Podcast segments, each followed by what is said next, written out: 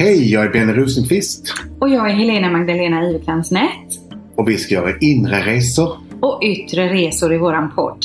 Så välkommen till oss!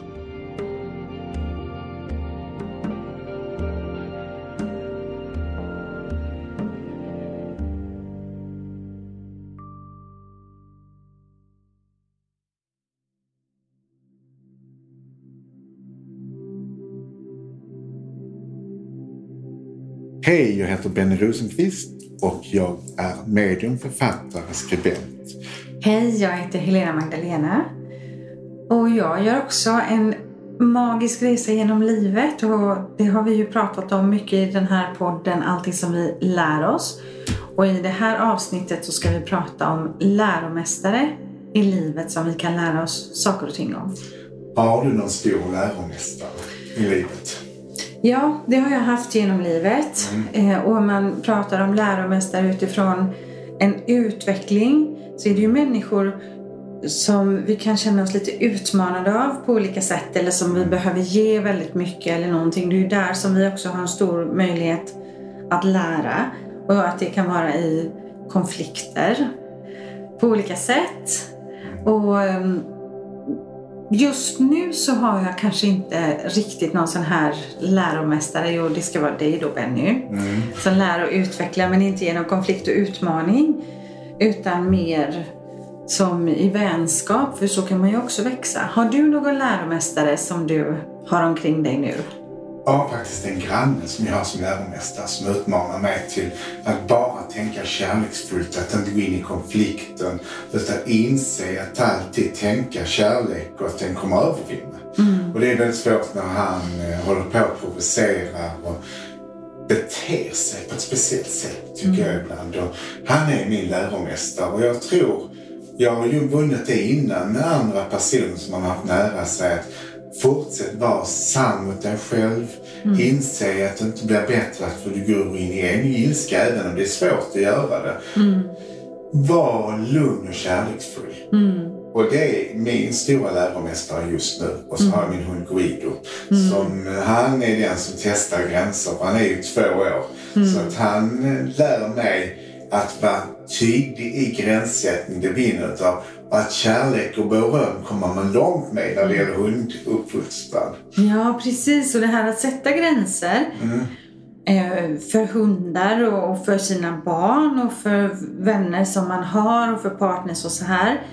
Det är ju det är också ett sätt att vara kärleksfull, att visa vad man har sina egna gränser istället för att dras med i olika spel på olika sätt. Då. Ja, vi hade ju Malin i förra avsnittet. Och jag sa till henne en gång när vi var i en radiostudio så här att egentligen är kärleken som hundar. Till exempel att män är som hundar eller kvinnor är som hundar. För om jag springer efter Guido på Limmansfältet, vad händer då? Vad händer om Ja, han tycker att du jagar honom så han springer ju. Ja. Ja. Om jag står still?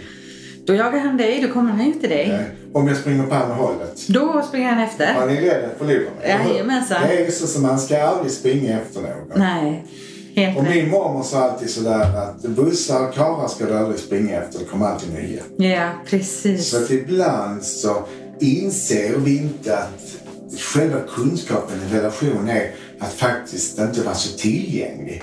Att faktiskt eh, vänta, att in, kunna våga släppa taget också om någonting som inte är kärlek. Ja, absolut. Och jag tycker det är så fint att gå genom livet och också att ha gått genom livet och, och se att möten som vi gör också har någonting att lära oss i djupet av oss själva. Eh, Jag var ganska ung när jag läste Du kan hela ditt liv med Louise L. Hay. Eh, Där hon skriver en del om det här och att man ibland också kan behöva förlåta sig själv för att man går in i de här lite tuffare läxorna och, och sådär. Men det, när, när vi är villiga att gå in och ta ansvar och lära oss i varje given situation. Det är verkligen då som läromästarna kan lära oss allra, allra mest. Och den stora läromästaren är ju de vi älskar mest. Alltså det är en kärlek eller våra barn eller vår hund eller eller någon arbetskamrat som vi älskar väldigt mycket. Det är ju de stora läromästarna. Men kärleken tror jag är den, den en partner, Mm. är den absolut största läromästaren vi har. För den utmanar oss. Mm. Visst är det så. I varje relation Mm. så ligger det ju också en, en utmaning såklart. Som kan vara karmisk. Mm. Som vi har fått för att vi ska lära oss att lösa det här. Att det är en livsläxa Mm. som vi har fått båda två. Och tillsammans kan vi lösa det. Det är inte en som kan lösa det. Utan en karmisk knut. Så vi måste jobba på det båda två. Mm. Så det är, vi blir varandras läromästare. Mm, precis.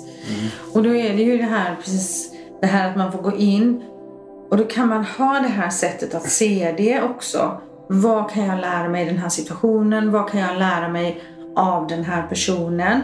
För då växer man ju om man inte riktigt är villig till det utan man lägger liksom skulden att den är sån och den är sån och lägger det lite utanför sig själv. Då växer man ju inte heller på samma, samma sätt. Det är det felet många gör i en separation. Att man lägger allting på sin partner. Att man ser sin egen delaktighet. Att jag har också gjort fel. Man är alltid två för tango. Och vad har jag gjort mot min partner som gör att vi är där vi är? Och så brukar jag säga att vi lämnar inte någon som är så lycklig med. Jag har aldrig hört någon som sagt jag lämnar den här partnern för jag var så lycklig. Så jag var tvungen till att lämna honom. Utan det är ofta att man är färdig faktiskt när man lämnar någon. Man kan inte lämna någon för man är färdig. Nej. Och det har man lärt färdigt i den relationen. Ja. Och det är olika läromästare man hittar. Det är flera stycken partnertyper man träffas i livet för att lära olika bitar om en själv. Så var gång man älskar så växer man. Och det kan ju vara älska ett barn också. Var gång man hjälper sitt barn med en insikt så växer du. Kom ihåg någonting utav din- dig själv som du behöver lära dig. Du är själv förälder. Har du lärt dig någonting av att vara mamma till tre flickor? Oh ja. Eh, det har jag verkligen och det gör jag varenda dag. Jag har ju väldigt tät kontakt med mina, med mina döttrar. Men det är ju också så att min äldsta dotter hade ju en väldigt, väldigt tuff tid och vi är ju offentliga med det så att det är okej för henne. Det var ju åtta år som, ehm, som hon hade väldigt, väldigt svårt att må bra och hennes pojkvän dog och det var mycket droger och så här.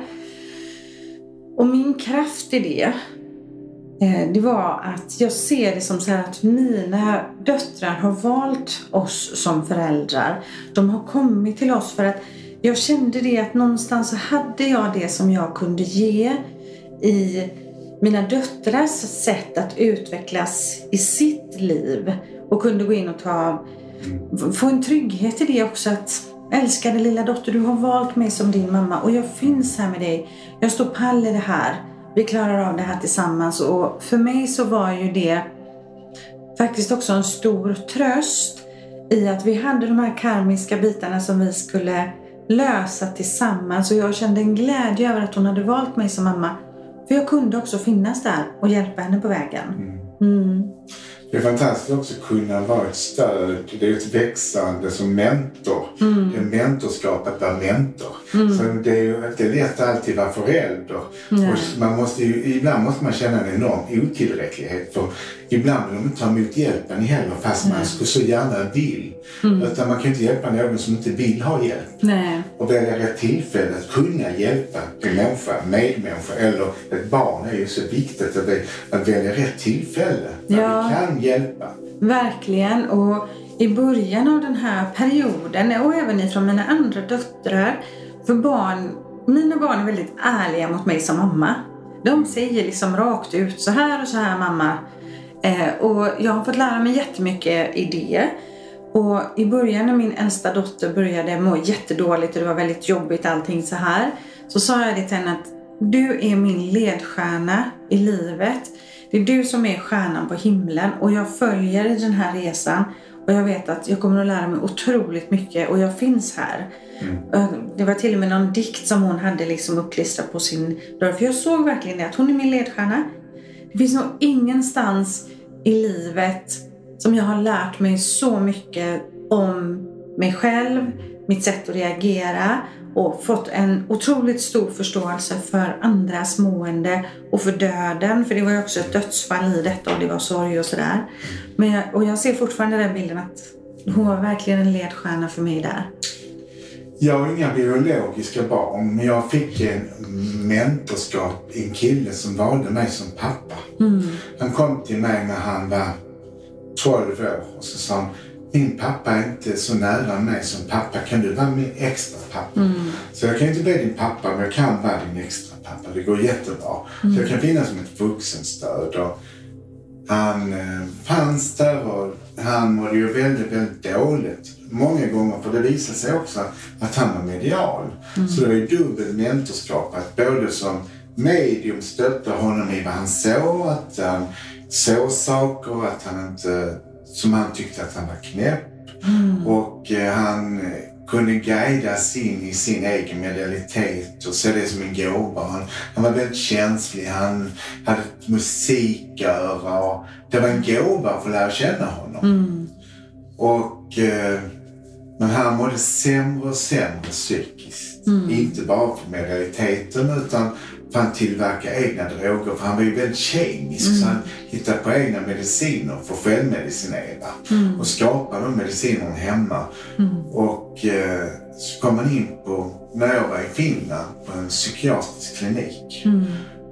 Och eh, där var han så olycklig. Mm. Så han hängde sig i sin tröja.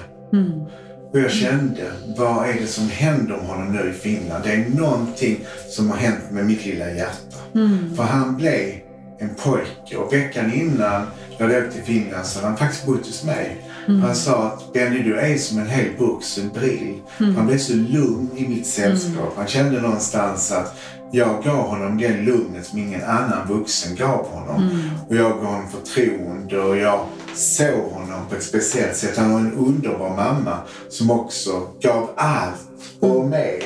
Och hon var helt slut. Hon höll på i många år när han mådde dåligt. Hon fanns där hela tiden med hans sida. Så vi var som två föräldrar som försökte lyfta upp honom till att vilja överleva. Så man, någonstans hade man kanske den här känslan av att han kanske inte blev så gammal. Man hade, för han levde så intensivt. Man märkte på honom att han kommer nog inte bli gammal. Och så, När han var 21 år så hängde han sig på en psykiatrisk klinik i Malmö. Det var för mig, jag visste inte hur, hur jag skulle vara i sorg. Men det var, det var precis som, jag kunde inte möta den då. Mm.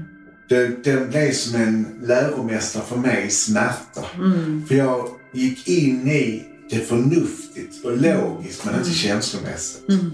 Först året efter när det var alla helgon när jag var ute på kyrkogården och tände massa ljus för honom. Ute på Limhamns kyrkogård och satt där och pratade med honom och han kom. Först då kunde jag släppa fram en sorg och idag har han ju det jättebra. Han kommer ofta när jag på andra seanser med andra så när vi har en hälsning till det eller har kurser så. Här kommer en kille med gitarr. Och då förstår jag att det är min lilla son som har adopterat mitt hjärta.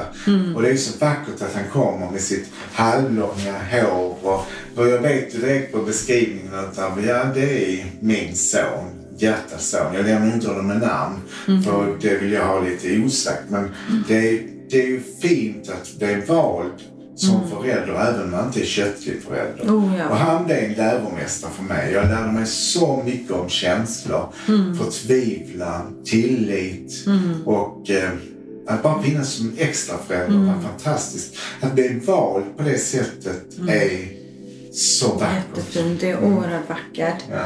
Väldigt, väldigt vackert. Och så... Jag har ju också fått möta honom i andevärlden en gång när vi hade seansträning. Ja. Och känt den underbara energin ifrån honom och den stora kärleken till dig. Mm. Och det är ju också det här att, att man kan ha biologiska barn. Man kan ha barn på många, många sätt. Jag har också haft de här extra barnen och min dotters pojkvän var ju också en som vi tog under våra vingars beskydd som bodde tillsammans med oss och fanns där och vi försökte. Men det är väl det här egentligen också karmiska, att vi är här på jorden för att lära, lära tillsammans, lära av varandra och att det finns en dag när vi också ska lämna jordelivet den här gången. Sen kan det vara svårt i en sorgeprocess och separationsångest att känna det. Men att man kan känna det efteråt. Och att det är små mästare som vi har som vi möter. Mm. Det är så fantastiskt, för många sa till mig att vi liknar varandra så mycket. Är det din son? Även om det inte var det så tyckte folk som träffade oss att Ja. energimässigt var vi samma och vi kunde gå och köpa samma säng, mm. sängkläder och vi kunde köpa samma valet av färger på rummet utan att veta Mm. det. Och- Så det blev ju precis som att han var en spegelbild på mig så att jag tror jag varit hans pappa i tidigare liv. Säkert. Säkert. Och tänk de här starka relationerna som vi kan få. Jag hade själv, jag har ju en underbar fantastisk mamma, men jag hade ju en mamma till Mm. som verkligen också var en läromästare för mig. Och ja, jag, lärde mig, jag har lärt mig jättemycket av min mamma också av den här andra kvinnan som var som min extra mamma. Och hennes dotter är min närmaste, närmaste vän. Och vi säger inte vänner utan vi säger att vi är systrar. Ja. Och våra mammor pratar om oss som systrar. Och så fint det är och så berikande det är. Och jag tänker också idag, det är ju många som eh, också har bonusbarn i många olika konstellationer. Jag höll på att säga att det känns nästan lite gammalmodigt det här med, med liksom biologiska barn. För idag har man barn på så olika många sätt. Mm. Bonusbarn och bonusbarnbarn och man blir ju berikad. Jag har, jag har en jättefamilj och alla är inte biologiska men alla är min familj. Mm. Mm. Och jag tror också att vi har den där själsfamiljen. Mm. Som är olika konstellationer som man har varit förälder till eller som varit förälder till en. Och man möter de här Mm. som man har rest med i tidigare liv. Så man har den där känslan för att du känns som min mamma eller du känns som min pappa Mm. eller jag känns som jag är din pappa. Och den är ju ofta större än vad vi tror. Så vi har ju en större andlig familj än den fysiska familjen många gånger. Verkligen. Och jag satt med det för några år sedan. Så gjorde jag som vårat släktträd över våran liksom, släkt då. Och då blev det så tydligt hur vi som är från samma själsfamilj, hur vi genomsyras i de olika generationerna. Så det, det är nästan som att vissa av oss är samma släktfamilj och vi har mycket likheter då, artistiska, musikaliska, så här. Och sen så har vi en annan energi. Och det, för mig så känns det som att det är en annan själsfamilj, men de hänger ihop. Och de är lite mer olika än vad vi är. De är mer det här ordning och reda, jobba med ekonomi och resultatinriktade och redovisning och så här. Så det är jättekul att titta på sin familj utifrån själsfamilj också.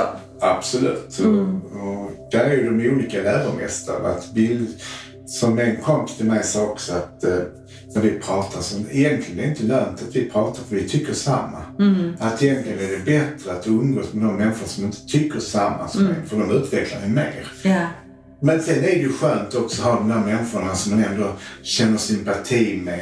Som känner att man inte behöver brottas med utan man har aha-upplevelsen. Att man känner att det är inte så fel på det. Att man får en bekräftelse av att mina åsikter är samma som dina. Det är också en mästare tycker jag. Att man känner någonstans att du och jag tycker samma.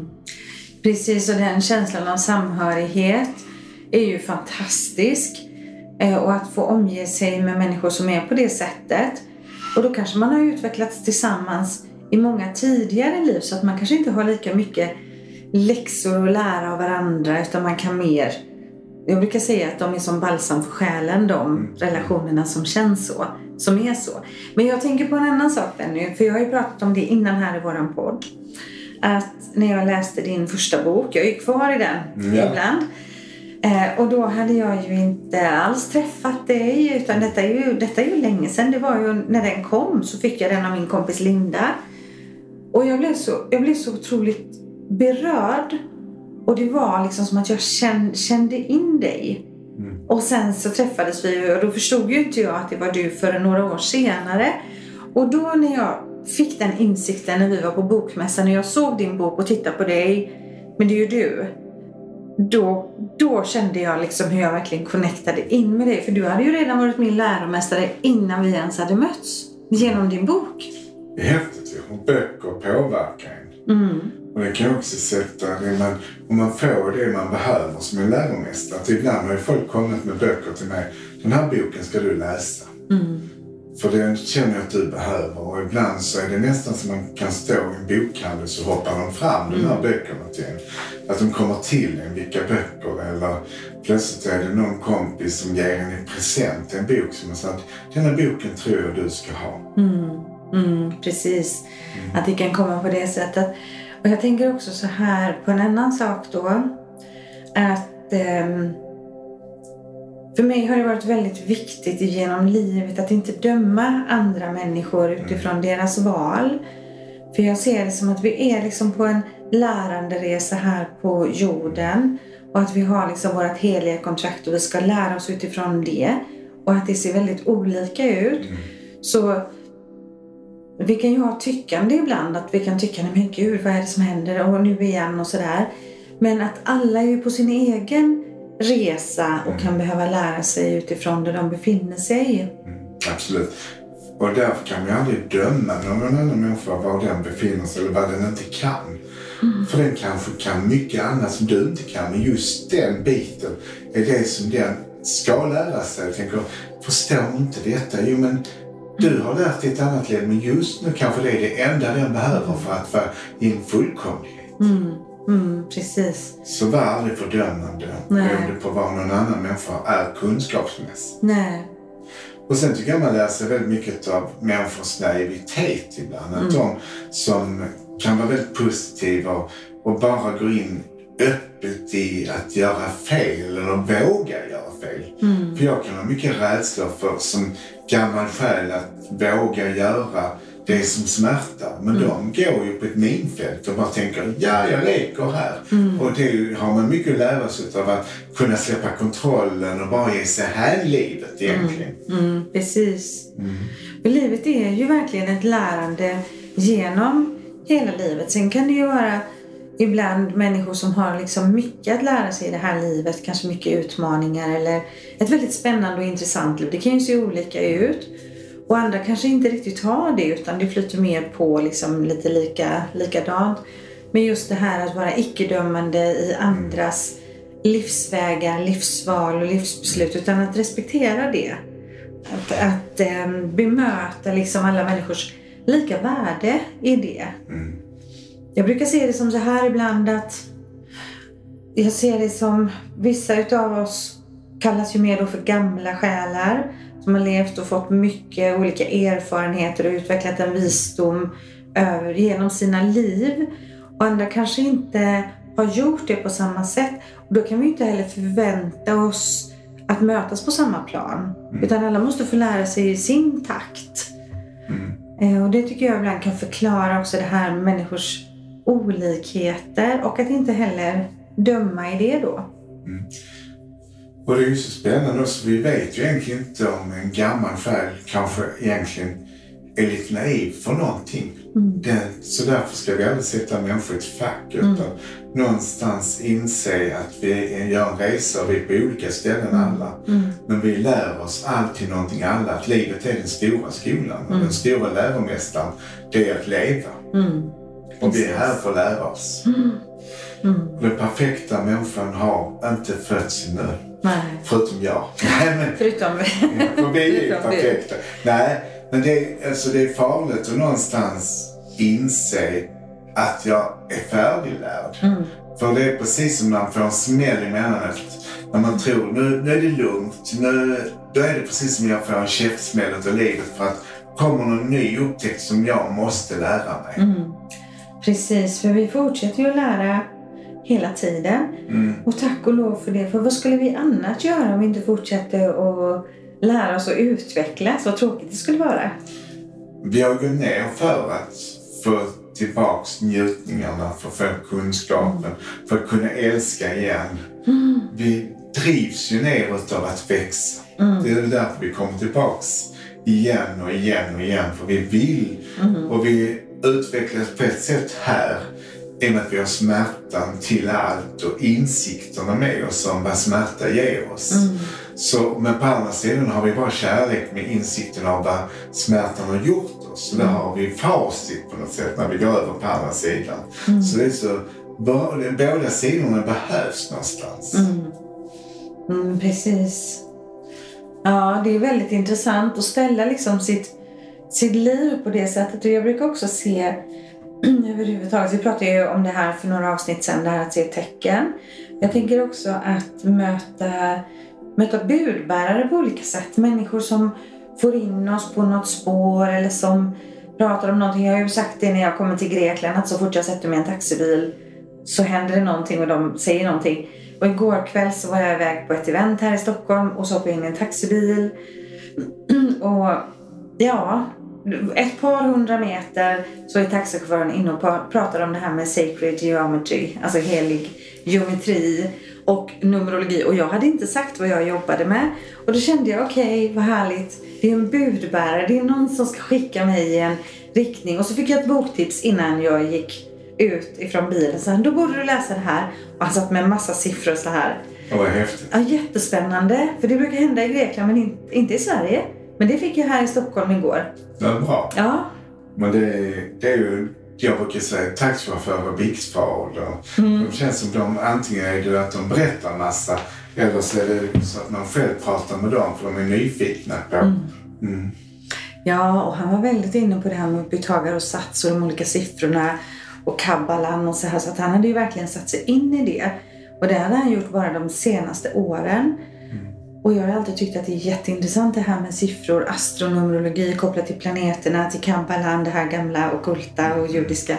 Så jag fick en liten sån här knuff i, i riktningen igår kväll i taxin där. Mm. Mm. Det är jättespännande med budbärarna som kommer och ger oss tecken och som blir läromästare mm. som sen ger oss en skjuts.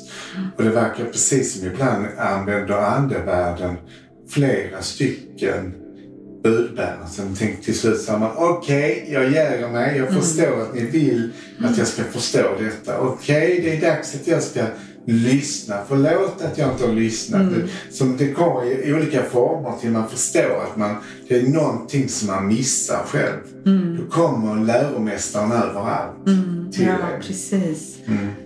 Precis. Det kommer musik och man ser reklam och man hör det på TV. Och så träffar man vänner och så plötsligt kan det vara någon i kassan på posten som säger samma budskap. Ja, mm. okej. Okay. Mm. Jag ska lära mig det. Jag vet. Hur länge ska ni slå det i huvudet på mig? Mm, mm. Precis.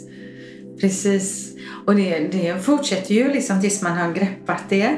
Men jag tycker det här samtalet är jättefint det här just att vara villig att gå in och ta ett eget ansvar och få en större förståelse för sin egen utveckling och hur man kan påverka den där man befinner sig, både i glädje och i sorg på något sätt när man går in i den känslan av vad kan jag, vad kan jag lära mig här? Att man kan se människor också som speglar. Mm. Eh, och då är det ju så också att när människor får en att känna någonting som kanske känns lite jobbigt, då kan man också gå in. Vad är det jag känner här egentligen? Mm. Varför känner jag på detta sättet? För känslorna är ju ändå bara mina, även att någon annan triggar. Och det kan vara oerhört värdefullt att se Nej, men du kan ju, det är det man måste se för du kan inte ta ansvar för någon annans insikt. Nej. Och du kan inte få någon annan till att ha en insikt för de är beredda på att lära sig saker eller vilja vara det. Mm det enda du, det är som ett ordspråk säger, du kan förändra din egen värld och där kanske förändra din omgivning. Mm. Men framförallt så måste du börja hos dig själv för det är där den stora förändringen börjar. Yeah. För då växer din omgivning, när du växer. Mm. Och de som inte kan växa med dig försvinner, men de som faktiskt växer med dig, de kommer närmare dig. Mm. Och det är så när vi går in i en transformation, mm. i en högre medvetenhet då försvinner ju vissa människor och mm. insikterna blir påtagliga så att jag kanske måste lära mig att sätta gränser. Jag kanske lär mig att jag måste uttrycka mig på ett annat sätt. Jag kanske lär mig att våga älska mig själv mer. Att vi kommer in i olika faser av transformation i livet. Mm. Och när vi då gått igenom transformationen så är det som på nyttfödelse. Yeah. När vi får, när Mästaren inom oss har mm. vaknat det är ju så fantastiskt när man får ett fång med en bukett utav insikter. Mm. Det där stora växandet när vi verkligen föds på nytt själsligen. Wow! Ja. ja, vad fint du beskrev det där. Ja. Jag tänkte också just på det precis innan där. Det är ju det som sker i den här medvetandeförhöjningen också. Att vi människor vaknar upp och också ser att vi inte bara har ansvar för våra liv utan vi har också en påverkansmöjlighet. Vi behöver inte få offer för omständigheter om vi går in och ser vad kan jag lära mig i den här situationen? Och då kommer den här på nyttfödelsen och man växer jättemycket på ett själsligt och personligt plan då.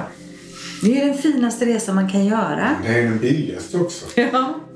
Ja, billigt kanske inte är sätt, för det kan ibland vara smärtsamt. Ja. För ibland kan ju förlusten av en vän som offras på grund av insikten för den inte vill eller kan eller ska följa med när man höjer sig till sin högre nivå. Och sen kanske den senare kommer, då möts man senare i livet. Eller vissa försvinner för att någon ny ska komma in med nya insikter. Så det är ju det som är så fantastiskt att andevärlden, de är bättre att planera vad vi behöver än vad vi själva är. Utan saker kommer i rätt tidpunkt. Ja. Det gäller bara tillit till att allting fungerar när det ska fungera. Och att man inte motar bort utan man välkomnar allt som ska ske. Och att man välkomnar det, sitt växande. Precis. Och ha tillit till att allting är som det ska. Jag har försökt att leva så i stort sett i hela mitt liv. Att ha tillit till att allt är precis som det ska just nu. Allting är precis som det är. Och att försöka vara så mycket som möjligt i acceptans. Även i svåra stunder. Att jag accepterar att det är som det är. Och jag har tillit till att de andra dimensionerna är så mycket smartare än vad jag är. Andevärlden vet nästa, nästa steg. Och då kan vi ju känna den känslan av att någonting eller någon tas ifrån oss. Men ibland så behöver vi ju separeras ifrån olika händelser, omständigheter och människor för att det nya ska kunna komma in. det är som ett vakuum där innan det nya kan komma in och det är ju där man kan misströsta. Ibland så öppnar Gud en, stänger Gud en dörr för att kunna öppna ett fönster. Mm, just det. Ja, det är så viktigt någonstans att kunna släppa taget för att något större ska kunna komma in. Ja, precis. Tillit är ju spännande som du sa. Vad, vad är tillit? Och vad, ibland tycker man att man har tillit men när det verkligen gäller till exempel när det kommer in en ny partner så känner man någonstans alla, all gammal smärta och allt som man inte trodde fanns i botten finns kvar. Och då är ju den nya partnern en läromästare, att man ska våga älska. Men det kan vara smärtan av det gamla som gör att man inte vågar släppa in det nya. Mm, precis. Så det gäller ju någonstans kanske läka emellan innan man släpper in någon ny. Att man någonstans har ett växande i sig själv. Att man ger självkärlek innan man verkligen har tillit till att släppa in en ny kärlek. Ja, ja, precis. För det är ju verkligen en utmaning. Det är en underbar utmaning att träffa en ny kärlek. Men det är också verkligen en utmaning för i varje relation så finns det ju också då, vi är medvetna om att det också kan bli en separation. Och då kan det vara rädslan, precis som du säger, de gamla minnena. Som, som gör att man kanske inte ens vågar gå in i en ny relation. Man kanske säger nej tack. Jag står här. Jag sitter kvar här själv istället. Och också ha tilliten i det att du blir som det är menat att bli. Men vissa har en rädsla för att bli ensam så man lever hellre för en dålig relation och utvecklas inte så mycket istället för att släppa taget om en person som man inte älskar. Utan man är kvar bara för att man är rädd för att inte bli älskad igen. Ja. Men varför leva med någon som inte älskar en? Nej. Istället ger man möjlighet att släppa det och få släppa in någon som verkligen älskar en. Att få en ny mästare via någon som man träffar för att få ett nytt växande. För man växer ju inte när man lever i en död kärlek. När det inte är glöd i spisen så det är jobbigt att få fjutt på elden. Det är bättre för fjutt. När det är släckt så är det släckt och när det är lite glöd så kan man få eld fortfarande i spisen även om det är en gammal kärlek. Men är det helt släckt så är det lika bra jobb. Ja, precis. Då är energin slut helt Ja, då är det enkelt. slut ja. Ja, precis. Det är helt sant. Eh, Och jag kan också känna det här utifrån läromästare och läxor och lärande. Att efter min dotters pojkvän hade dött, då det var ju en stor sorgeperiod såklart. Men någonstans i det så fick jag den här känslan att vi som har ett liv, vi har ju så otroligt mycket möjligheter att få leva vårt liv på allra bästa sätt. Så jag kände det att jag tänker inte slösa bort en dag till i mitt liv på att inte göra det jag älskar att göra. Det blev liksom den insikten. Och att vi, så länge vi lever så kan vi ju fortsätta att växa, utvecklas och förändra. Och varför måste tragiska saker hända innan vi börjar älska livet? Mm. Varför ska vi förlora någon innan vi uppskattar vårt eget liv? Ja, men precis. Mm. Precis. Jag hade nog uppskattat livet redan innan men det var mer som att jag kände att jag hade så lång tid på mig. Jag var ju också lite yngre då. Så efter det så kände jag mer att men vad ska jag vänta på? Varför ska jag göra allting sen? Vi lever ju nu, vi lever ju varje dag, varje timme, varje minut kan vi göra det bästa av situationen och njuta av livet och lära oss jättemycket. Absolut. Mm. Ja, men det var ju ett intressant, eh, intressant samtal om våra läromästare Ja. som vi har omkring oss. Så tackar jag dig, kloka, visa, underbara Benny för den här stunden. Jag tackar dig vår visa vän Helena Magdalena. Det var en trevlig pratstund. Och diskutera vem som är din, med din mästare och vem som är, du känner att du lär dig någonting av. Och glöm inte bort att väx och väx och väx. För ju mer du växer, ju mer får du ut av livet. Mm. Så vi tackar er härliga lyssnare eh, för detta avsnitt och var rädda om er. Hej då! Hej!